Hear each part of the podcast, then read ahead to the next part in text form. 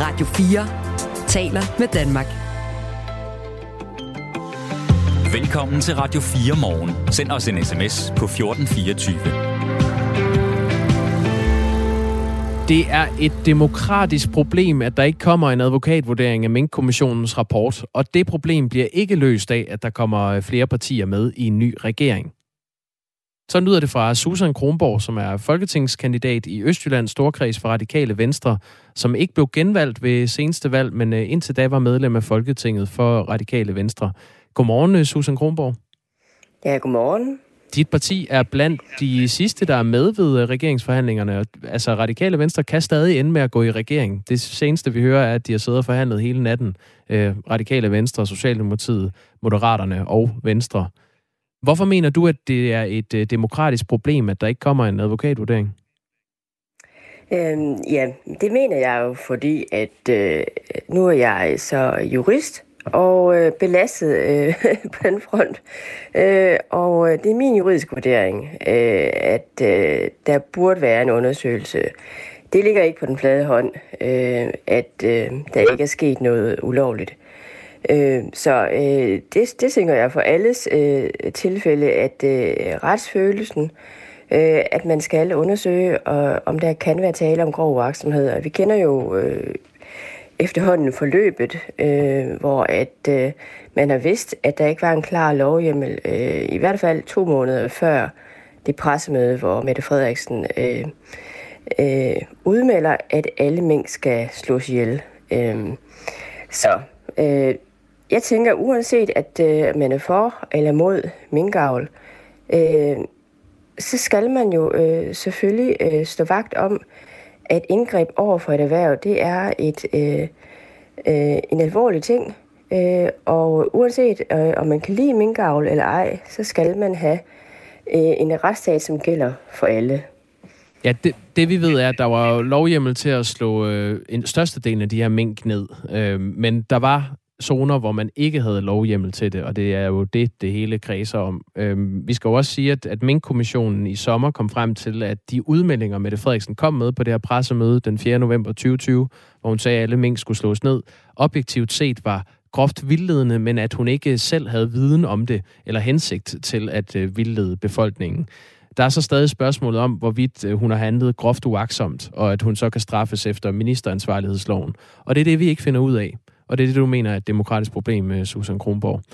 I Radikale Venstre øh, endte jo med at sige, at I ikke ville støtte en advokatvurdering, øh, men at I ikke havde tillid til den socialdemokratiske etpartiregering, og derfor ville vælte den, hvis der ikke var udskrevet valg inden Folketingets åbning i oktober. Du var en af dem i øh, Radikale Venstres folketingsgruppe, der faktisk talte for, at Radikale Venstre skulle støtte en advokatvurdering. Var du skuffet over, at det ikke var det, I besluttede jer for? Øh, altså, jeg synes lige for en god ordens skyld, øh, altså det der skete, det var jo, at øh, man øh, vidste, øh, at øh, der ikke var øh, en øh, hjemmel til at slå alle mink ihjel, som du netop påpeger der. Øh, og det var jo så rent faktisk før pressemødet, hvor at det blev udmeldt, at alle skulle slås ihjel. Øh, der var det jo sådan, at man jo så for en sikkerheds skyld spurgte fra Justitsministeriets side, er I stadigvæk den opfattelse af, at der ikke er nogen klar hjemmel? Til at slå alle mink ihjel. Øh, og det vil så sige, at man øh, jo helt op øh, i Justitsministeriet vidste, at der var et problem. Så det var jo ikke kun øh, Fødevareministeriet, øh, der vidste, at der var øh, en udfordring. Øh, og øh, kommissionens rapport øh, tager jo ikke stilling til øh, spørgsmålet om grov virksomhed, hvilket, øh, hvis der var tale om grov virksomhed, øh, altså ville øh, vi jo være inden for ministeransvarsloven. Mm. Øh, og der er, øh, kan man sige, det springende punkt for en jurist som mig, det er jo, om øh, man tænker, at øh, den her, øh, det her ansvar, øh, hvis man som statsminister øh, blander sig i alle ministerier på den måde, man gør, øh, er man så lige pludselig også ansvarlig for det, der foregår i øh, Fødevareministeriet, i øh, Justitsministeriet. Øh, men som du rigtig nok øh, også kommer ind på her, ja, Altså som øh, jurist, så mener jeg, at vi burde få en advokatundersøgelse. Om jeg så utilfreds med, at vi ikke øh, krævede det. Øh, det, det øh, altså man kan jo ikke øh, bestemme alt øh, selv, øh, og der, der er det jo så, at øh, jeg selvfølgelig øh, har taget til efterretning, øh, at øh, man øh, har taget en anden politisk vurdering i Folketingsgruppen. Og Susan Kronborg, med, sige... med al respekt, jeg afbryder dig lige, fordi du starter med at svare som jurist, men slutter som politiker. Fordi du, du fortæller, at du gerne vil have den her advokatvurdering. Når du gerne vil have det, og i, i Radikale Venstres Folketingsgruppe besluttede, at det ville man ikke have, var du så ikke skuffet over det? Øh, jo, jamen helt sikkert. Øh, som okay. øh, jurist var jeg skuffet, så hvis du gerne vil have at kun svare som jurist, så kan jeg da sige, at som jurist, øh, så ville jeg selvfølgelig gerne have haft, at øh, man øh, får retsfølelsen, og øh, at man øh, selvfølgelig øh, gør det, at man tager en advokatundersøgelse. Hvor mange var I i Radikale det... Venstres øh, folketingsgruppe, der gerne vil have sådan en advokatvurdering? Ja, altså der tænker jeg, at det, det der er øh, mest... Øh, øh, øh, ordentligt, det er, at jeg udsætter mig om, hvad jeg selv øh, har sagt, øh, og så må andre øh, fortælle om, øh, hvad de mener, hvis de har lyst til det. Øh, for øh, det, der foregår i en folketingsgruppe, jamen, øh, der skal jeg jo stå til mål for det, jeg siger. Øh, så øh, det, det tænker jeg, det er øh, det mest ordentlige. Det holder du for dig selv? Ja. Det, jeg skal ikke fortælle, hvad andre har sagt. Okay. Øh, Venstre og Moderaterne meldte øh, søndag ud, at de altså ikke støtter sådan en advokatvurdering af Mink-sagen længere, og dermed øh, heller ikke, om der kan placeres et juridisk ansvar hos, øh, hos Mette Frederiksen. Så er der ikke flertal for det længere i Folketinget, og det var en øh, advokatvurdering, der dannede baggrund øh, for, at et øh, flertal i Folketinget besluttede, at Inger Støjberg skulle stilles for en rigsret i sin tid. Susan Kronborg, dit parti, Radikale Venstre, besluttede jo, at I ikke længere kunne støtte en, øh, en socialdemokratisk etpartiregering efter Mink-kommissionens rapport i sommer. Og det begrundede den tidligere politiske leder Radikale Venstre, Sofie Carsten Nielsen, med, at etpartiregeringen var magtfuldkommen. Tror du, det problem er løst, hvis der kommer flere partier i en ny regering? Nej, det tror jeg faktisk ikke. Øh, fordi nu kan vi jo så se, at øh, Venstre jo så åbenbart er parat til at skifte øh, standpunkt, øh, hvor de har ment, at det var helt altafgørende, at der kom en advokatundersøgelse, øh, og det samme Moderaterne at øh, lige pludselig så mener de så alligevel ikke, det er så nødvendigt. Øh, øh, og der tænker jeg så, at med sådan en regering, altså, øh, der tænker jeg, at den magtfuldkommenhed, man, øh, vi har kritiseret, altså den er jo kun udvidet med to ekstra øh, partier. Øh, så nej, det, øh, det, jeg kan være bekymret, det må jeg sige. Det har jo tidligere været fremme, at øh, tre juraprofessorer har læst Mink-kommissionens beretning, og så på eget initiativ øh, vurderet den og skrevet et notat på 30 sider, hvor de slår fast, at der ikke er grundlag for at antage, at Mette Frederiksen ville kunne blive dømt i en rigsret øh, for brud på ministeransvarlighedsloven. Mm, hvad gør det ved det behov, du ser som jurist og som øh, Susan Kronborg, for at der er brug for en advokatvurdering? Øh, det gør jo simpelthen, at øh, selvfølgelig så skal man lytte til øh, de argumenter, der kommer på banen. Øh, men det er jo ikke en, øh, hvad kan man sige, øh, det er jo ikke en øh, Gallup-undersøgelse, der skal afgøre øh, argumenternes magt. Øh, og vi kan så se, at øh, der har været en øh, professor i strafferet, og det er jo der, vi er hen af øh, med hensyn til grov uaksomhed øh, og fortsæt, eller øh, sondring over til simpel uaksomhed øh, at det er jo, øh, kan man sige, at hvis vi skal øh, lave et spil om titler, øh, så kan man så sige, hvem er det så, der hvis ord øh, vejer tungest? Øh, er det en professor i forvaltningsret? Er det en professor i strafferet? Øh, er det en tidligere professor i strafferet? Øh, øh, og der mener jeg, at det helt afgørende er, at man læser øh, de argumenter, der er kommet øh, på bordet. Øh, så øh, og der nytter det jo ikke noget, at man som de tre professorer kun tager stilling til en del af øh, handlingsforløbet. Øh, og øh, ja, jeg, jeg synes, at øh, der er øh, grund til at, at være skeptisk øh, stadigvæk. Det er, jo ikke, det er jo ikke en eksakt videnskab, det der, øh, Susan Kronborg. Det er jo altid interessant at høre, hvad advokater vurderer, hvis de har en eller anden form for speciale inden for, for strafferet. Men det er jo Øh, det, I sidste ende er det jo op til Folketinget øh, at beslutte, om man vil stille Mette Frederiksen for en rigsret. Det tror jeg godt, vi kan sige. Det kommer ikke til at ske nu. Øhm, Radikale Venstre er jo potentielt på vej ind i den her regering, der som noget af det første lægger en advokatvurdering ned. Mener du, at Radikale Venstre bør gå med i sådan en regering? Øh, jamen, jeg tænker, at øh, nu har vi jo så, øh, man kan sige, retrospektivt er jo vi jo faktisk øh, det eneste parti efterhånden, som har taget standpunkt øh, øh, for den kritik, der har været. Øh, der har vi jo rent faktisk så sagt, øh, at øh, vi er utilfredse, imens alle andre jo bare sådan har... Øh, øh, åbenbart haft en holdning, og så skiftet 180 øh, grader på den. Jo, så... men, men oh, oh, lad os lige få ret skal være ret. I, I sagde, I ikke havde tillid til regeringen, og hun skulle udskrive valg, ellers vi vælte den. Så blev der udskrevet et valg, og nu sidder jeg på vej ind i regeringen med selv samme statsminister. Ja, det, det er rigtigt nok, men øh, man kan så sige, at øh, vi har jo da i hvert fald ikke øh, ingenting foretaget os, og bare skiftet holdning. Øh, men øh, jeg, jeg tænker, at... Øh, hvis det er, at vi deltager i regeringen, så er vi jo i hvert fald med til at øh, trække i en, øh, en øh, anden og bedre retning. Så på den måde, så øh, er jeg fortrøstningsfuld. Så du, du er tilfreds med en regering, der kommer til at hedde øh, Socialdemokratiet, Venstre, Moderaterne og Radikale Venstre, og der kommer ikke en, øh, en advokatvurdering af Mette Frederiksens juridiske ansvar? Altså jeg er i hvert fald øh, tilfreds med, hvis det er sådan, at vi kan trække i en bedre retning. Det, det er i hvert fald bedre, end at vi ikke er med. Tak skal du have, Susan Kronborg.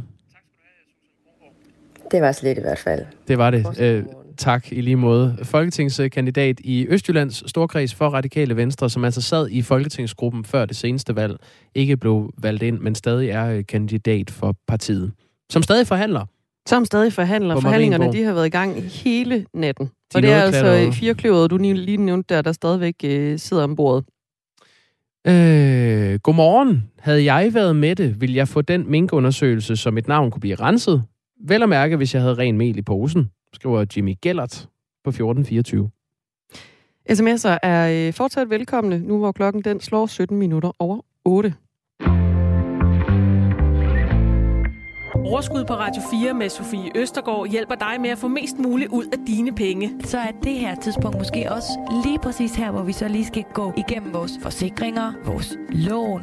Kom i gang med at investere i aktier eller få gode råd til, hvordan du lægger dine lån om. Altså prøv lige at gøre det, og så prøv lige at se, hvor mange penge man rent faktisk skal spare. Find Overskud som podcast i vores app og lyt med tirsdag kl. 13. Radio 4 taler med Danmark. Du lytter til Radio 4 morgen. Og her til morgen taler vi øh, rigtig meget om øh, løfter og løftebrud. Det er sådan øh, drøbet fra i søndags, hvor Venstre og øh, Moderaterne jo øh, begik en øh, ordentlig kovending og droppede det her krav om, at der skulle laves en øh, advokatsvurdering af Mette Frederiksens ansvar i Mink-sagen. Og et løftebrud lyder sådan her. Vi kan jo ikke føde en regering, øh, hvor man starter med at have øh, juridiske undersøgelser på landets øh, statsminister, så der er jo plaster, der skal hives af. Det kan også lyde sådan her. Øh, meldingen er jo selvfølgelig, jamen man kan ikke starte et regeringssamarbejde, hvis et sådan det måtte komme, med en advokatvurdering af landets statsminister. Det gode spørgsmål det er jo så, om der er, øh, sådan, er der udløbsdatoer egentlig på et løfte? Det skal vi tale om nu. Ja, det er et godt spørgsmål. Ja, med udgangspunkt i Moderaterne. Altså, Moderaterne, de var jo... Øh, de gik ligesom ind med et krav om, at der skulle laves den her øh, advokatvurdering øh, af Mette Frederiksens rolle i Mink-sagen. Øh, det stod jo ind til i søndags kl. 13.20, da Lars Løkke Rasmussen han trådte frem og sagde netop de ord, vi har hørt. Ja, og han sagde under valgkampen, øh, var argumentet fra Lars Løkke, at han ville kun pege på Mette Frederiksen som statsminister, hvis hun vil underlægge sig sådan en advokatvurdering, fordi vi skulle have genskabt, genskabt tilliden mm. til, øh, til demokratiet og til folkestyret. Der, der var brug for at få sat et værdigt punktum. Han bruger stadig begrebet værdigt punktum. Nu er et værdigt punktum bare ikke, at man skal have en advokatvurdering. Niks. Men hvad kalder man det egentlig, øh, når man øh, siger et og øh, gør noget andet? altså løber fra et løfte. Det kalder man jo et, det, det kunne godt være et løftebrud. Mm. Ja, og det medgiver Moderaternes gruppeform. Vi har ligesom hørt Lars Løkke Rasmussen, eller hvad hedder det, Jakob Ellemann Jensen, han har sagt, det er et løftebrud. Det er helt øh, stålsat og klart. Øh, og Moderaternes gruppeformand Henrik Fransen, han øh, siger også, at øh, et løftebrud, det kan da godt dække over, hvad der er sket i partiet. Det siger han over for, øh, for P1 Morgen. Det han så også siger, det her, vi kommer hen til det der med udløbsdatoer på et løfte. Mm. Øh, om løftebrud, siger han, I kan godt bruge det udtryk, men det er jo et løfte, der er mere end to måneder gammelt. Det er klart, at man sagtens kan bruge det udtryk, men det er jo også et udtryk for, at tiden er gået. Jeg er komplet langt i kæben. Jeg synes, det er så latterligt. Uh, helt Moralen ærligt. er jo her, at hvis du gav et løfte for to måneder siden, så gælder det ikke mere. Hvor, hvor, hvor frisk skal et løfte være, for at det gælder? Eller kan man bare sige, nå nej, ikke alligevel. Vi blev gift sidste år, det gælder da ikke det længere. Det gælder altså ikke mere. Jamen, jeg lovede den der hemmelighed her for tre måneder siden, jeg lovede at holde den. Men øh, jeg har det var en gammel, ja, det var et gammelt løfte. Vi har nu. forsøgt at få Henrik Fransen på Det her til nemlig. morgen, fordi øh, ja, det eneste gode spørgsmål er jo bare, hvor gammel skal et løfte være, for at det ikke holder længere? Ja, lige præcis. Det vil Øhm, vi rigtig gerne have spurgt ham om. Det vil han ikke Nej. øh, være med til, fordi han er på vej ind til et gruppemøde. Desværre. Vi har forsøgt flere moderater i af flere omgange her til morgen. Vi har også forsøgt at få øh, Jakob Engel Schmidt med, øh, men han sidder i regeringsforhandlinger og er ved at være sådan lidt øh, lang i betrækket over at have siddet der hele natten. Det kan man godt forstå. Ja, det er så fair nok. Det har været en lang nat, og jeg er ikke sikker på, at den faktisk er færdig endnu. Øh, og så har vi også forsøgt øh, Jon Steffensen, som også er øh, moderat folketingsmedlem, at få ham med her i radioen. Må jeg ikke lige fortælle, hvorfor vi gerne vil have fat i Jon Steffensen? Jo, tak. Han var i går med i et interview på øh, radiokanalen øh, 24 hvor han sagde, at moderaterne heller ikke, altså udover den her advokatvurdering, nu heller ikke ønsker en undersøgelse af FE-sagen og sagen om Ahmed Samsam, som sidder fængslet som øh, syrienkriger, men ifølge flere mediers oplysninger er øh, tidligere agent for de danske efterretningstjenester. Den sag og FE-sagen om Lars Finsen ønsker moderaterne heller ikke længere en undersøgelse af. Og det er ellers også noget, øh, Lars Lykke har sagt, at man havde. Der blev han så banket på plads, Jon Steffensen, relativt kort efter. Hør, hov, det har du fået galt i halsen, øh, sagde Jakob Engel Schmidt til TV2. Øh, altså den politiske ordfører, øh, Jakob Engel Schmidt, sagde, at det har Jon Steffensen fået helt galt i halsen. Og øhm, det var ellers et klart nej, øh, Jon Steffensen gav, da han blev spurgt om, der er ingen undersøgelse af FE og Samsam-sagen kommer, hvis man spørger moderaterne. Så gik Jon Steffensen så på øh, Twitter, da han var blevet banket på plads. Og så skrev han, og det er mærkeligt det her, fordi det skriver han i citationstegn. Det er altså et citat, han skriver ud. Ja, Altså, normalt så skriver man bare noget. Selv? Det er så uklart. Okay. men i, i citationstegn skriver han, jeg har været en tur i 24-7-programmet Valgt i Danmark. I den forbindelse fik jeg indikeret, at moderaterne ikke længere ønsker en undersøgelse af FE og Ahmed Samsam. Det er ikke korrekt. Den ligger i retssystemet. Men vi ønsker som sagt under valgkampen forløbet undersøgt. Er det alt sammen i citationstegn? Ja, Okay. og det ligger der lige et par minutter, og så sletter han det øh, tweet igen, og så skriver han det så uden citationstegn. Okay. det. øh, og der er Christoffer Eriksen, som er øh, øh, chefredaktør på øh, mediet Frihedsbrevet, så hurtigt og skriver, så fik du fjernet citationstegnet, Jon Steffensen. Flot! Vil du løfte sløret for, hvem der har skrevet det tweet for dig? Ja, det vil jeg også rigtig gerne vide. Løfter han sløret? Øh, nej, han skriver bare, og det, det er næsten det mest fjollede, det her. Jamen, det, alene så det kunne bruges som citat, skriver han. altså som om, at hvis man ikke skriver ting i citat på Twitter, så kan det ikke blive citeret. Det kunne tyde på, at der er nogen, der har sendt noget. Nu gidsner vi. Vi kan Ja. ikke vide, hvorfor manden vælger at tweete i citationstegn. Nej, for vi kan heller ikke få fat i ham. Men det kunne være noget, der var formuleret en anden, så gider du lige poste det her. Og så har han lige postet det. ah, men prøv at høre, det, det hele er hat og briller lige nu. Åh. Jeg, øh, vi må glæde os til, at de stiller op til interviews. Det her er Radio 4 morgen.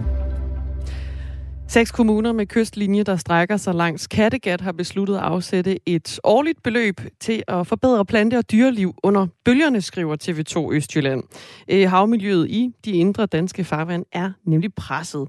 Og derfor så skal Aarhus Kommune og fem nabokommuner fremover bidrage til at plante ålegræs og lave stenrev og sætte fiskeyngel ud. Torben med Ankjærø er formand for Kysthjælper øh, Aarhus Bugt, og øh, det er en frivillig organisation, som hjælper for at fremme havmiljøet. Du er med nu. Godmorgen. Godmorgen. Hvor græld står det til i øh, de østjyske farvande? Jamen, det, øh, det står faktisk rigtig skidt til. Vi øh, kan jo se, at øh, fladfiskene, de er stort set væk i de kystnære områder, og det er, det er torsken også. Og i stedet for har vi fået masser af krabber, og øh, vi har mange steder ildsvind hver år i sensommeren. Så man kan sige, havet gisper efter, efter hjælp og efter vores øh, hånd. Der, der er jo kommet krabber. Er det ikke en god ting? Altså krabberne øh, kan selvfølgelig bruges til at lave krabbebisk og, og, og til at spise, men udfordringen er, at krabberne, når de er mange nok, så klipper de ålegræs, de laver forstyrrelser. De simpelthen øh, de overtager øh, den øh, kan man sige, plads, som, som øh, nogle af de andre øh, rovfisk har, har haft tidligere. Så, og det så, skaber ubalance. ja, så, så det er ubalancen, der er øh, det helt konkrete problem med, med havmiljøet. I hvert fald i, øh, i Ja. den østjyske bugt øh, og i Aarhus bugten. Er det en tendens, vi ser over hele landet? Det er faktisk en tendens, vi ser rigtig mange steder i, i de indre farvande i, i Kattegat. Øh, især i kystnære områder er der faktisk meget få øh, bundfisk. Kommer man lidt længere ud, så øh, kan man godt øh, for eksempel omkring Frederikshavn finde nogle, nogle gode fladfiskebestande. Men, øh, men der er en tendens til, at de kystnære områder, de er simpelthen øh, blottet for, for, for bundfisk af dem, dem, vi kender. Nu er det så blevet besluttet, at øh, øh, det skal bidrages til, at man kan plante ålegræs, der skal laves stenrev, og så skal der sættes øh, fiskeyngel ud også øh, i, øh, i Aarhus Kommune, også ved fem nabokommuner. Øh, hvordan går man til sådan en opgave? Jamen altså først og fremmest, så er det jo historisk, at vi nu får en genopretningsplan for det her område, så alene det skal vi jo huske at, at knive os selv i armen omkring, fordi det er, det er stort, og det er også, øh, der er et kæmpe behov for det. Øh, den måde, man kan gribe det an på, det er med først at, at kigge på, hvad er, øh, hvad kan man sige, hvor får vi mest for pengene øh, på den her måde. Vi har nogle frivillige i kysthjælperprojektet, som rigtig gerne vil hjælpe med at plante ålegræs ud, men det er klart, at øh, store stenrev, det, er, det kan være svært at bære, sådan helt bogstaveligt talt for, for frivillige. Så, så på den måde vil uh, sådan et tværkommunalt samarbejde være rigtig godt, uh, sådan at vi sammen kan, kan supplere hinanden på en god måde. Og øhm, hvor mange penge skal der til for at øh, gøre det, I gerne vil, altså forbedre biodiversiteten i Kattegat? Altså man kan sige, stenrev, store stenrev er, er dyre, øh, og det er, det er mange millioner, øh, vi, vi snakker om, hvis man skal have genoprettet øh, de, stenrev, som er, er, øh, er forsvundet, eller som er, er, er fisket op, kan man sige, tidligere. Og det er, jamen, altså man kan forestille sig, at man, øh, man arbejder med et scenarie, hvor man øh, finder nogle EU-midler for eksempel, eller nogle fondsmidler, og, og der vil man sige 100 millioner, det kan man sagtens bruge. Man kan også sagtens få øh, meget for mindre, men men øh, der er et kæmpe behov for, at vi øh, dels øh, genopretter, men også at vi starter med at sige, hvor får vi mest for pengene nu og her. Og men, men hvor mange penge øh, tror du, det er realistisk, der skal bruges, eller der skal afsættes øh, om året? Jamen, den, den ting, jeg tænker, det er, at vi forestiller os noget med, at der kommer nogle kommunale midler, og så har vi så øh, mulighed for at søge nogle fondsmidler øh, ud derudover. Det tror jeg er det mest realistiske. Øh, der er også forskel på, hvor meget de enkelte kommuner kan bidrage med. Øh, nogle er store, nogle er små, ikke? Så, mm. så det skal jo selvfølgelig også være med. Men, men det er klart, at, at for, for altså 100.000 kroner, der kommer man ikke langt. Øh, så så, så der, skal, der skal nogle millioner til for, at, øh, at, at det gør en reel forskel derude, ikke? Mm. Det her initiativ øh, fra de østjyske kommuner, er det nok til at forbedre miljøet i Kattegat, eller skal der mere til, tror du? Jamen, der skal helt sikkert mere til, og det, der er det helt store, kan man sige, uh, issue, det er egentlig, at vi skal have reduceret vores tilledning af næringsstoffer til, uh, til de kystnære områder. Og det er uh, fra land, uh, den, uh, eller de næringsstoffer kommer. Uh, både fra, fra spildevand og fra, fra det dyrkede land. Så der er et, et kæmpe behov for, at vi samtidig med det her fokuserer på, at vi skal, vi skal simpelthen have, have, have fjernet nogle af de her næringsstoffer, inden de kommer ud i, i vores kystnære områder. Uh, fordi der, der kan havet simpelthen ikke øh, holde til at, at, at få så meget næring. Vi har fået en sms øh, fra vores lytter Tommy, der skriver, hvem kunne have gættet bunden vi blive smadret, da man skiftede danske garn, øh, garnbåde ud med bund- og bomtrålere i 90'erne? Alle. Har han ret i det? Altså, kunne man se det her komme? Altså, vidste jo godt dengang, at, at det her med, når man ruder op i bunden med, øh, med bundtrål, så skaber man en, en forstyrrelse. Øh, og det er sådan en ting, at man forstyrrer bundfagneren. Men der ligger også det i det, at man forstyrrer faktisk bundens naturlige evne til at omsætte de her næringsstoffer. Og det vil sige, for hver kilo næringsstof, der kommer fra land, så gør den faktisk større skade, øh, hvis man samtidig øh, tråler bunden og, og skarver muslinger. Fordi man netop øh, hvad skal man sige, gør, gør havmiljøet mindre robust. Så en af de ting, man kunne også kunne arbejde med, det var for eksempel at se, øh, er der noget muslingeskarp, som man kunne konvertere over til nogle faste redskaber. Øh, så der er mange ting, sige, som, som sideløbende med de fysiske, for eksempel nye stenrev, øh, skal arbejdes med for, at vi får mest for, for pengene øh, samfundsmæssigt. Det sagde Torben Ankjærø, formand for Kysthjælper Aarhus Bugt, som er en frivillig organisation. Tak fordi du var med. Det var så let. Hej. Altså øh, seks kommuner, som er øh, gået sammen om at øh, øh, reparere en smule på øh, sådan det kystnære miljø i, øh, i Kattegat og i Aarhusbugten. Dagmar, vi talte før om øh, Henrik Fransen øh, fra øh, Moderaterne, som var ja. ude og sige, at øh, det var et gammelt løfte, de gav, da de sagde, at de ville holde Mette Frederiksen op på jo. en advokatvurdering. Jeg har lige været inde på ordbogen.dk. Ja. Hvad er et løfte? Nu skal du høre. Ytring, hvormed man siger ja til eller forsikrer om, at man vil gøre noget eller give nogen noget i fremtiden. Det er et præmis. det er en præmis for et løfte, at man at det ligger ude i fremtiden. Og at man holder det. For filen. Klokken halv ni. Nu er der nyheder på Radio 4. Der er behov for politiske tiltag for at forbedre indeklimaet for børn i daginstitutioner. Så lyder det fra Rådet for Grøn Omstilling, som står bag en undersøgelse i samarbejde med det Nationale Forskningscenter for Arbejdsmiljø og Teknologisk Institut. Undersøgelsen af indeklimaet i en række daginstitutioner viser, at mange børn er udsat for skadelige kemikalier, og det kan skade børns udvikling at opholde sig i et dårligt indeklima og påvirke dem ind i voksenlivet. Det siger Lone Mikkelsen, der er projektleder og seniorrådgiver i Rådet for Grøn Omstilling. Vi måler på kemikalier, som øh, senere i livet kan give børn sygdomme. Det kan gøre, når de bliver voksne, at de får svært ved at få børn de kan udvikle nogle kraftformer. Flere institutioner døjer desuden også med utilstrækkelige ventilationsanlæg og for højt CO2-niveau. Og så viser undersøgelsen også, at børn i institutionerne er udsat for høj partikelforurening. De partikler, vi måler på, som kommer fra bål øh, eller fra madlavning, det kan øge risikoen for kræft. Det kan også øge øh, risikoen for, at man udvikler astma eller forværre de symptomer, øh, astma giver, hvis man allerede har sygdommen. Fire partier har haft en lang nat på Marienborg med regeringsforhandlinger. Det er Socialdemokratiet, Moderaterne, Venstre og de radikale. Og her til morgen holder der stadig biler parkeret foran pladsen, foran det nordsjællandske hus, mens der er lys i vinduerne. Det viser billeder fra TV2. Ifølge politisk analytiker hos DR, Jens Ringberg, så kan det se ud til, at forhandlingerne er i en afsluttende fase. Det ser ud til, at man er i en fase, hvor man bliver siddende, til man er færdig. Hvis vi er, hvor jeg tror, vi er, er det sidste, man nu gør at fordele magten i den kommende regering, antallet af ministerposter osv. Men der kan også være emner, som de har gemt til sidst. Det ved vi ikke, siger Jens Ringberg. En iransk fodboldspiller risikerer at blive henrettet. Det advarer den internationale spillerforening FIFPro. På Twitter skriver spillerforeningen, at den professionelle fodboldspiller Amir Nash Ashadani står foran henrettelse i Iran, efter at have kæmpet for kvinders rettigheder og for basal frihed i sit land. FIFPro er chokeret og forfærdet. Vi står sammen med Amir og appellerer til, at straffen fjernes med øjeblikkelig virkning, lyder det i opslaget. Iran har de seneste dage hængt to mænd efter demonstrationer i landet, og det frygtes blandt organisationer og jagttagere, at flere henrettelser er på vej.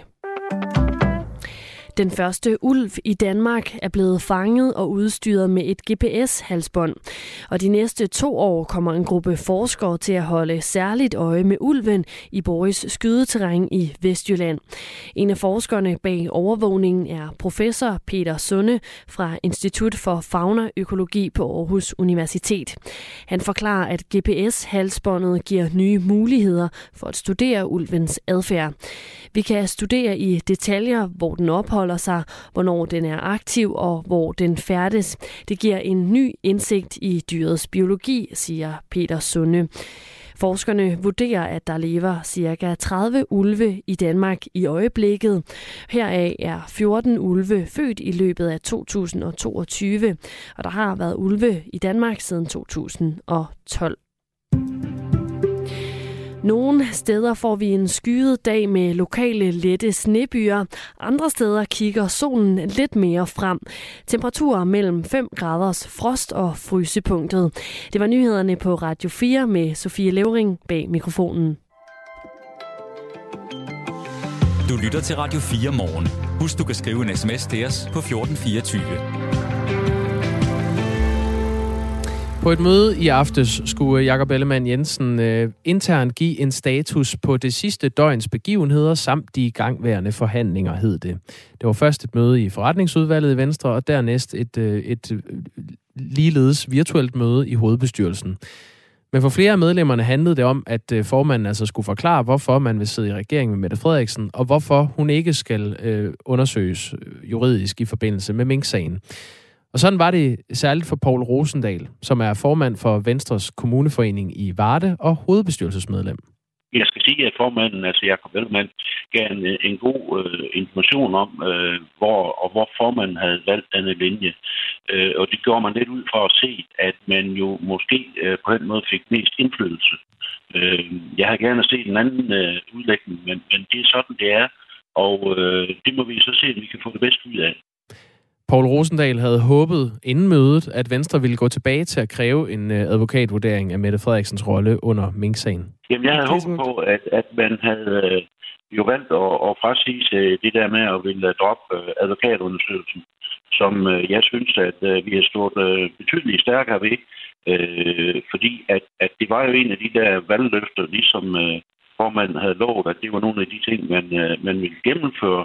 Øh, og der har jeg selvfølgelig gerne set, at det var en af de ting, der var blevet gennemført, øh, hvis vi skal bevare lidt troværdighed. Men øh, det var sådan, det er åbenbart ikke de bliver her nu i hvert fald. Sådan blev det ikke. Og derfor er spørgsmålet, hvor meget troværdighed Venstre egentlig har tilbage lige nu? Jamen, øh, det er jo svært at sige øh, lige for mig, fordi det, det, er jo, det er jo lidt mere eller mindre min personlige mening, der kommer ind her. Og Den vil vi også gerne høre. Jeg, jeg har selvfølgelig øh, hørt fra, det, fra en del medlemmer, og, og nogen har også allerede trukket sig øh, som medlem, og det synes jeg er lidt øh, en skam, at man ikke lige bevarer roen en uge tid og ser, hvad der kommer ud i det hele taget, altså i hele pakken.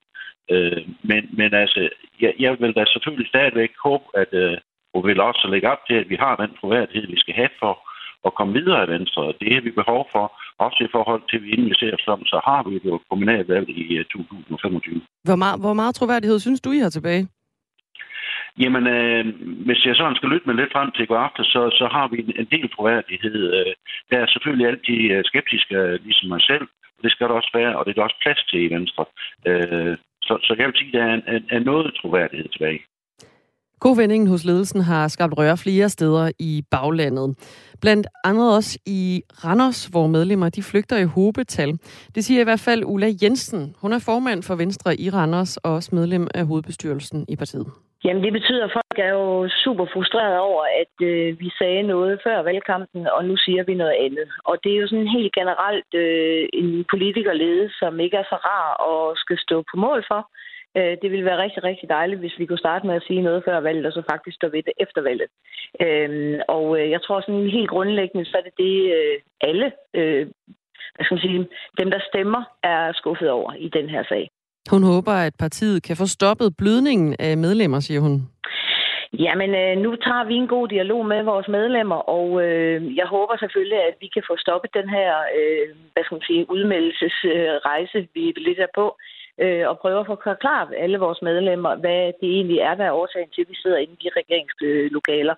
Øh, fordi at, øh, grunden til, at vi er der, er jo fordi, vi tror på, at vi kan trække, øh, ikke Randers, men at vi kan trække Venstre i en bedre retning, end man ville kunne have gjort, hvis det var enhedslisten, der skulle øh, beslutte, hvor vi skulle hen af.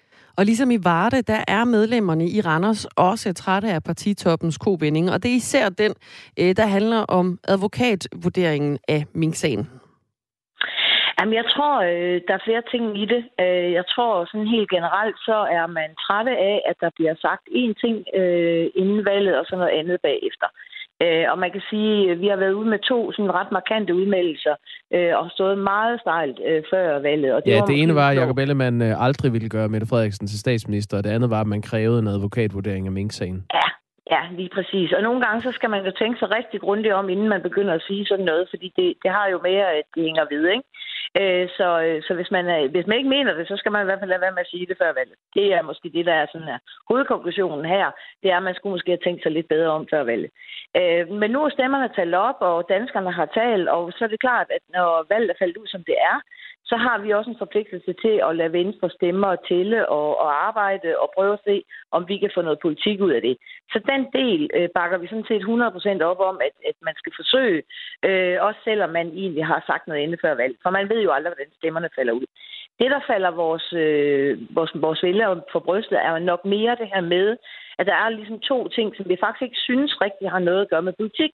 Og det er det her med, Jamen, øh, når man øh, har stået og sagt, at man vil undersøge Mette Frederiksen i en uvildig advokatundersøgelse, og at man også vil undersøge FE-sagen, øh, så skal man gøre det, fordi det handler om noget andet. Det handler om troværdighed, det handler om, at vi alle sammen er lige for grundloven, og at øh, ingen minister, øh, hverken Inger Støjberg eller Mette Frederiksen, øh, skal kunne øh, gøre noget øh, potentielt ulovligt. Øh, og så skal det i hvert fald undersøges som minimum. Og det er nok det, vores medlemmer synes er kritisk, og ikke så meget, øh, at vi afsøger muligheden for at gå i regering. Det var ordene fra Ulla Jensen, der er formand for Venstre i Randers og også medlem af hovedbestyrelsen i Venstre. Michael Horslev, jeg tror, han skriver fra Horslev, skriver, kan vide, hvor længe Venstres fodsoldater synes, det er sjovt at skulle forsvare det uforsvarlige over for vælgere og medier. Ellemands støtte må vakle. Først Pape, nu Ellemann. Socialdemokratiets strateger er simpelthen geniale. Ja. Yeah. Det er well played. Øhm, hele misæren er jo opstået, fordi Venstre har stået så stejlt, øh, og det har Moderaterne i øvrigt også, på det her krav om, at der skulle være en advokatvurdering af øh, Mette Frederiksen. Så det er jo juridisk ansvar, hun kunne have i Mink-sagen. Øhm, skal vi ikke lige, bare lige for en god undskyld, lige recappe, hvad er det, der er blevet sagt? Åh, oh, der er blevet sagt rigtig, rigtig mange ting. Bare lige et par overskrifter. Ja, ja, ja. ja. Okay, skal vi tage lige et par, øh, et par hurtige citater fra, øh, fra gamle dage? Du kan tage Sofie Løde. Vi kan tage Sofie Løde. Det var en af hendes citater, de, øh, der var også det bebrændt på Twitter i går. hun skrev sådan her nemlig i sommer. Jeg kan bare sige helt klart, at ingen kan købe Venstre med ministerbiler i et fordækt forsøg på at undslå sig ansvaret for en skandaløs magtudøvelse. Det er helt vildt, hvis der er nogle partier, der lader sig købe på den her måde. Hun har også skrevet, det var den 4. juli. De røde partier gør grin med retsstaten, når de freder statsministeren med en næse efter den hårde og meget alvorlige kritik fra kommissionen. Hvis regeringen havde haft værdighed, så havde den meddelt sin afgang, og Folketinget havde bestilt en uvildig advokatvurdering. Hashtag DK-pol. Der var masser af citater, som øh, gik øh, på en eller anden måde blev gravet frem fra øh, historien i går. Der var jo også et fra øh, Morten Dalin, vi var omkring tidligere i morges. Uh, jamen det er uh. næsten, så man lige skal folde tæerne øh, ret lige dine tæer ud, fordi de vil nok øh, krympe sig lidt. Det her det er en video, som Venstre lægger ud den 2. juli, hvor Radikale Venstre stadig ikke har taget stilling til, om de vil have en advokatvurdering af det juridiske ansvar i Mink-sagen. Så skriver Venstre, er retsstaten stadig det vigtigste for Radikale Venstre, eller har de lavet aftalespil med Mette Frederiksen? Hashtag DK-pol. Og så er der en en øh, video med indfødsretsordfører Morten Dalin, der siger sådan her. Hvad er vigtigst for det radikale venstre? At beskytte retsstaten eller ministerbiler?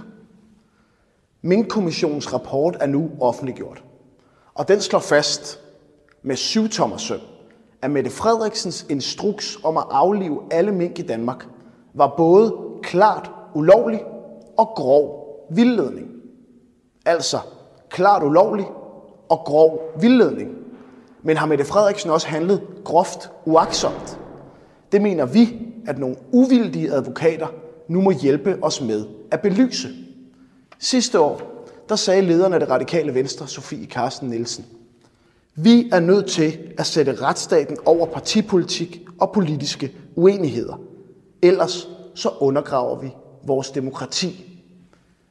Kære Sofie Carsten Nielsen, mener du stadigvæk det? Vil du stadig kæmpe for retsstaten, eller lokker ministerbilerne? Kære Morten Dalin, vil du stadig kæmpe for retsstaten, eller lokker ministerbilerne? Kunne vi spørge, hvis Morten Dalin vil stille op til interview, men det er altså ikke lykkedes for os. Det kan være, at vi skal tage Moderaterne med i faldet her. Altså gruppeformand for Moderaterne, Jakob Engel Schmidt, mm. Øh, han skrev så sent som den 21. oktober, hvor de fleste altså var uvidende om, at partiets formand Lars Løkke Rasmussen ville trække i land. Jeg vil bare stilfærdigt minde om, at forudsætningen for Moderaternes støtte til enhver statsminister er, at vedkommende sætter et værdigt punktum for mix-sagen ved at gennemføre en advokatvurdering. Jeg vil bare stilfærdigt minde om, at det der det lyder som et løftebrud. Sådan er det. Det er øh, noget af det, det faktisk øh, skal handle om videre, fordi hvordan påvirker det os vælgere, når politikerne de løber fra deres valgløfter? Spørgsmålet, det er øh, jo aktuelt, fordi som vi har været omkring Venstre, de har lovet, at de ikke ville gå med i en bred regering, og så var der hele det her med øh, advokatvurderingen. Og det er altså meldinger, som øh, har fået flere vælgere til at reagere. Jakob Ellemann Jensen han har jo også sagt, at begge dele sådan set er, ja, det er løftebrud. Øhm, og vi skal lige høre fra øh, en af Venstres vælgere, det er Peter Nødbak fra Aalborg. Han sagde nemlig øh, følgende til os. Øhm, han stemte på Venstre ved Folketingsvalget, og så er han i øvrigt selvstændig konsulent. Altså, der er ingen tvivl om, at eksempelvis Mette Frederiksen og Socialdemokratiet er enormt dygtige til, til at, at, at, at drive valgkamp. Øh, men jeg synes bare, at valget kommer til at handle mere om genvælden Mette Frederiksen, end det kommer til at handle om, hvordan er det, vi sikrer Danmark de næste mange år. Og, og der kunne jeg så også bare konstatere, at i Blå Blok kommer det også til at handle mere om genvendel, eller, eller få nogen ind og sidde i ministerkontoren, end det egentlig handler om at drive en rigtig, øh, rigtig borgerlig politik. Og det påvirker min, øh, min stemme. Det er helt sikkert. Altså, jeg kommer til at kigge på, hvem er det egentlig, jeg kan stole på, og ikke så meget, hvem er det egentlig, der, der er bedst til at forhandle i den sidste ende. Og øh, Peter Nødbakke er ikke alene. Vi har fået masser af sms'er fra jer lyttere med samme budskab, og derfor så skal det nu handle om vores tillid til politikerne. Rune Stubager er valgforsker og professor ved Aarhus Universitet. Godmorgen. Godmorgen. Venstres formand, Jakob Ellemann Jensen, har jo selv brugt ordet løftebrud om de her øh, sager. Øh, hvordan reagerer vælgerne, når de oplever, at politikerne de ikke holder det, de lover? Ja, det kommer an på omstændighederne, men øh, der er bestemt mulighed for øh, negative øh, reaktioner. Det, der jo får mig til at tøve lidt øh, lige nu, det er, at vi har jo ikke øh, set endnu, hvad Venstre får til gengæld øh, i form af politik, øh, politiske indrømmelser fra øh, Socialdemokraterne jo øh, primært.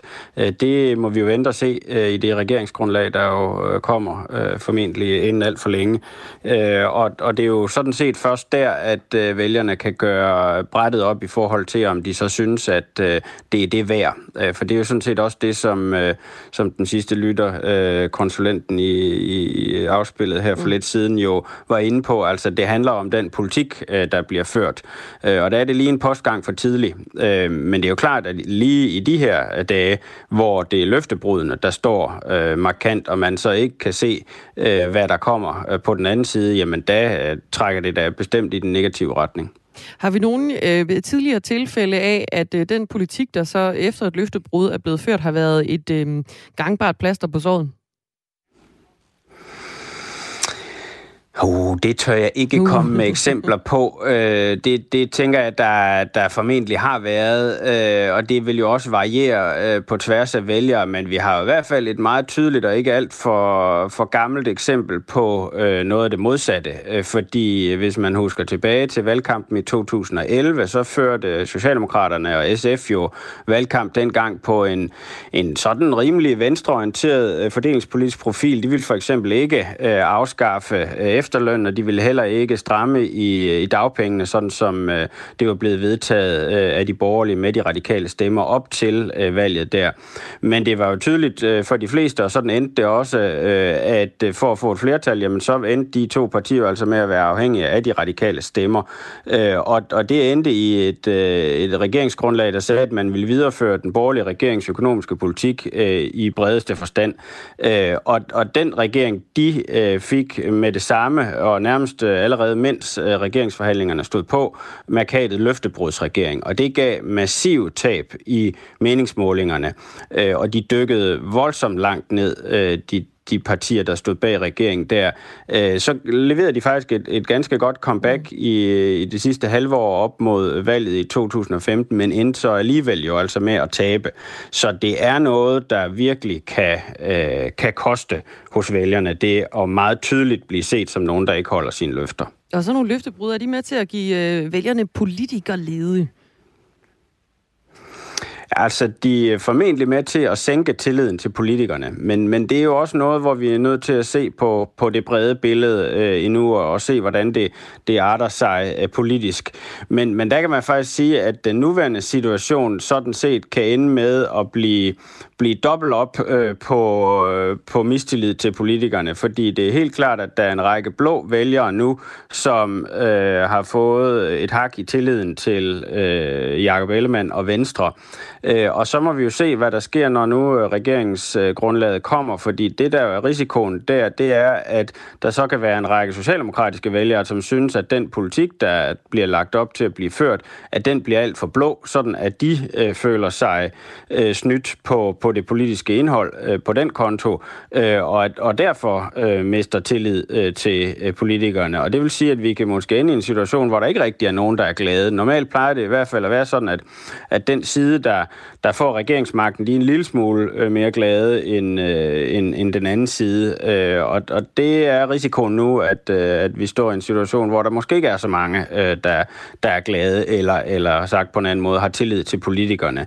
Øh, så, så det er potentiale for en giftig cocktail, men det afhænger helt af, hvordan det politiske indhold arter sig, og også af de forklaringer, som, øh, som de jo kan komme til at give øh, de involverede politikere, når øh, det hele ligesom ligger øh, klart for offentligheden. Den 5. december, der sagde Venstres formand Jakob Ellemann Jensen, at han var klar over, at det var et løftebrud, hvis han gik ind i en regering med Socialdemokratiets Mette Frederiksen som statsminister. Og i søndags, der øh, brugte han ordet løftebrud igen. Det skete, da han øh, meldte, at han ikke længere går ind for en advokatvurdering i Mink-sagen. Øhm, når man indgår i sådan en bred regering, så må man jo formode, at alle ikke får alt det øh, politik igennem, de gerne vil. Øh, og som det ser ud nu, nu, så tyder alt jo på, at vi får en bred regering hen over midten, og Socialdemokratiet sidder lige nu som sådan øh, forhandlingsfører. Øh, er der forskel på øh, Socialdemokratiet og Venstre, når det kommer til de løfter, de har givet i den her valgkamp? Lige for indeværende vil jeg sige ja. Altså for Socialdemokraterne gik jo faktisk til valg på den brede regering. Øh, og de havde jo øvrigt også øh, et forslag om skattelettelser ganske vist i bunden. Og nu må vi jo se så, hvor de ender med at komme, øh, de skattelettelser, der kommer ud af det. Men, men det er der, hvor jeg siger, det, det stadig er, er for tidligt helt at, at vurdere, fordi det kommer altså meget an på det politiske indhold. Øh, og, og det, som vi skal lytte meget efter, det er, hvordan øh, de andre partier i den røde blok og også øh, i det socialdemokratiske bagland reagerer på det regeringsgrundlag, der kommer. Det Jakob Ellemann øh, og Venstre skal håbe på, det er jo, at øh, der er rigtig skarp kritik øh, fra den røde side, fordi det kan bruges til at betrygge de blå vælgere i, at hov, øh, vi har altså faktisk øh, fået noget ud af øh, at gå ind i den her regering. Se, hvor de røde er sure.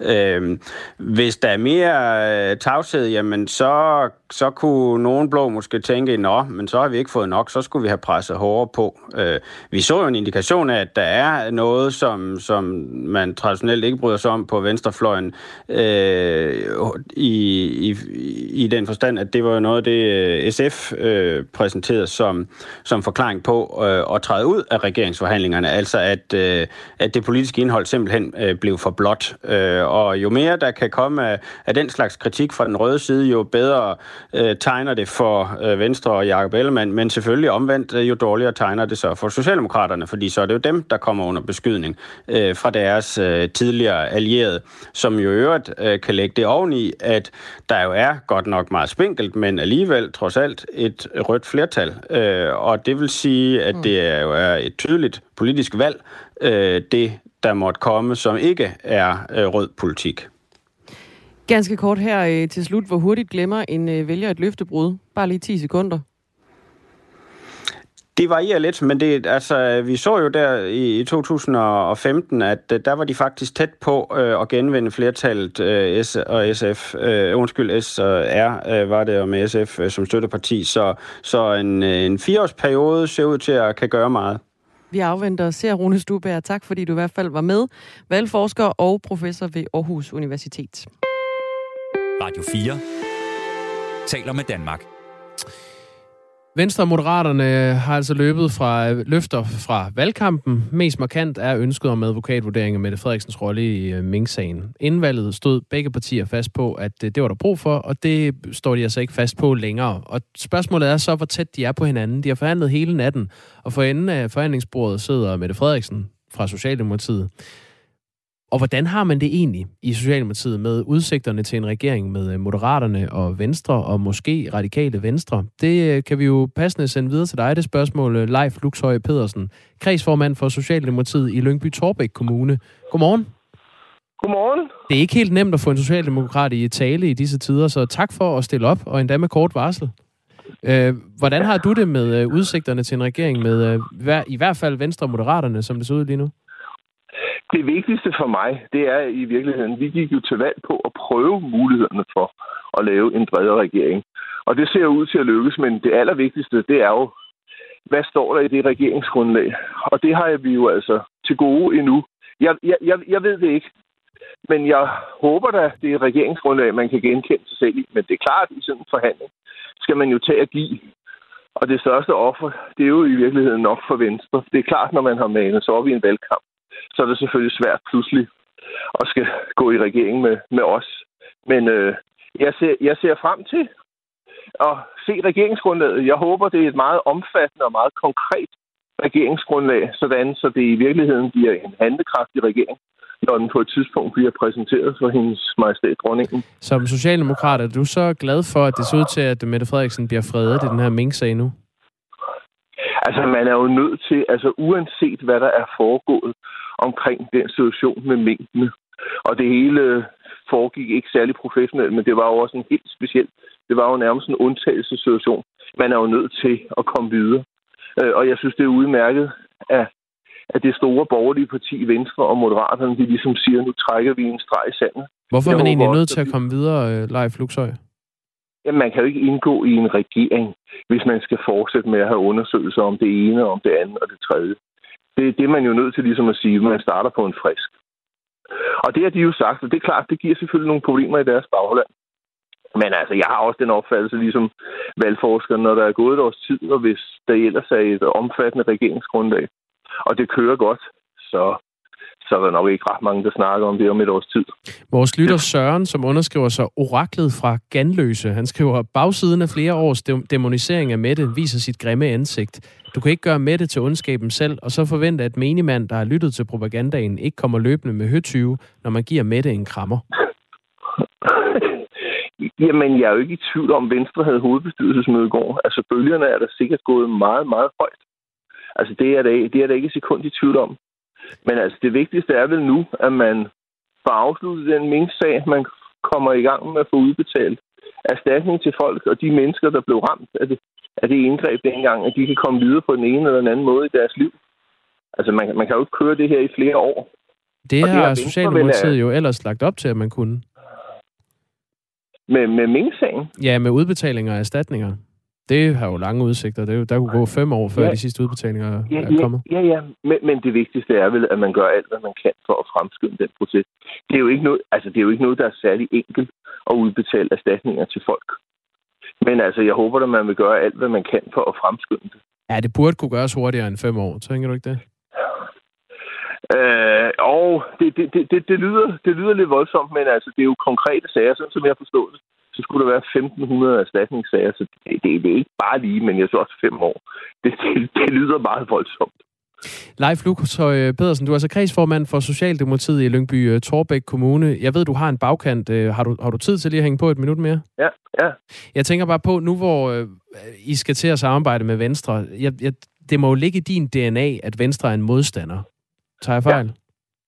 Det, det, det, det, det gør der også. Hvordan altså, har du det så med, med hele den her øh, debat, der er om, at Venstre har begået løftebrud, og medlemmerne i Venstre er rasende? Øhm, er, er det noget, der gør dig glad, eller er det noget, der gør dig ked af det? Altså, det, altså, det gør dig egentlig ked, en ked af det, hvis der i et parti øh, er så store frustrationer. Jeg ved ikke, hvor store frustrationerne er øh, øh, i Venstre. Jeg har jo bemærket, at Folketingets formand, jo som kommer fra Vestjylland, han har jo også været ude og anbefale alt det her. Men, men det er klart, men det er da klart, at jeg er opvokset i DSU. Altså Venstre var vores modstander. Dem, der er i VU, de er opvokset med, at Socialdemokratiet var deres modstander. Ikke? Mm. Men altså, til hverdag samarbejder man jo også i Folketinget. Det er klart, det bliver der noget nyt. Jeg kan jo øvrigt huske SV-regeringen. Vi synes faktisk i starten, at det var en meget god idé. Men øh, det blev meget hurtigt en fuser. Men øh, der var nok helt tilstrækkeligt regeringsgrundlag. Altså, det tror jeg, der er den her gang. Og med det kendskab, vi har til Mette Frederiksen, er overbevist om, det er meget grundigt arbejde, der er lavet. Tror du, det her det bliver en one-off, at vi får en, øh, en SV-regering? Eller tror du, det er, det er fremtiden i dansk politik? Det er, er jeg virkelig spændt på. Altså, det kan jo blive en... Altså, i virkeligheden, som du siger, det kan blive en ændring af dansk politik, at man fremover samarbejder om midten, man ikke har rød og blå blok på den måde. Men, men altså, det, det kan jo også ende i, i handlingslammelse. Det har man jo set i udlandet nogle gange med nogle, nogle meget brede regeringer, men det kommer helt an på, hvad man har aftalt. Hvad spilleregler der er. Hvad regeringsgrundlag er, hvad er spillereglerne? Det bliver man kan vi... jo i hvert fald øh, sige, ja. jeg, tror ikke, jeg tror ikke, Socialdemokratiet vil blive straffet, hvis det viser sig at være en fiasko efter et år eller to. Men, men jeg, jeg kunne godt forestille mig, at Venstre ville have det rigtig, rigtig svært, hvis det viser sig, ikke at kunne fungere i praksis. Men øh, altså, man, man, man er jo nødt til at prøve et eller andet, også i den situation, landet er i med økonomi og alt muligt. Mm. Altså, man er jo nødt til at have nogle brede flertal på en eller anden måde. Så lyder det altså fra Leif Lugtøj Pedersen, som er kredsformand for Socialdemokratiet i Lyngby Torbæk øh, Kommune. Tak for at springe på. Ja, tak skal du have. Det er godt. Godmorgen. Ja, godmorgen. Hej. Uh, vi kan da sige, at der lige om lidt er et uh, nyt program her på Radio 4, du kan lytte til. Det er Ring til Radio 4. Og i dag, der øh, spørger Ring til Radio 4, kan du tilgive løftebrud fra en politiker, du har stemt på? Det er øh, det spørgsmål, du også kan byde ind på på sms-nummeret, der stadig hedder 1424. Ja, hvornår er noget løftebrud, og hvornår er det politik, hvor man indgår kompromiser for at få sin politik igennem? Skriv ind. 1424. Klokken er 9.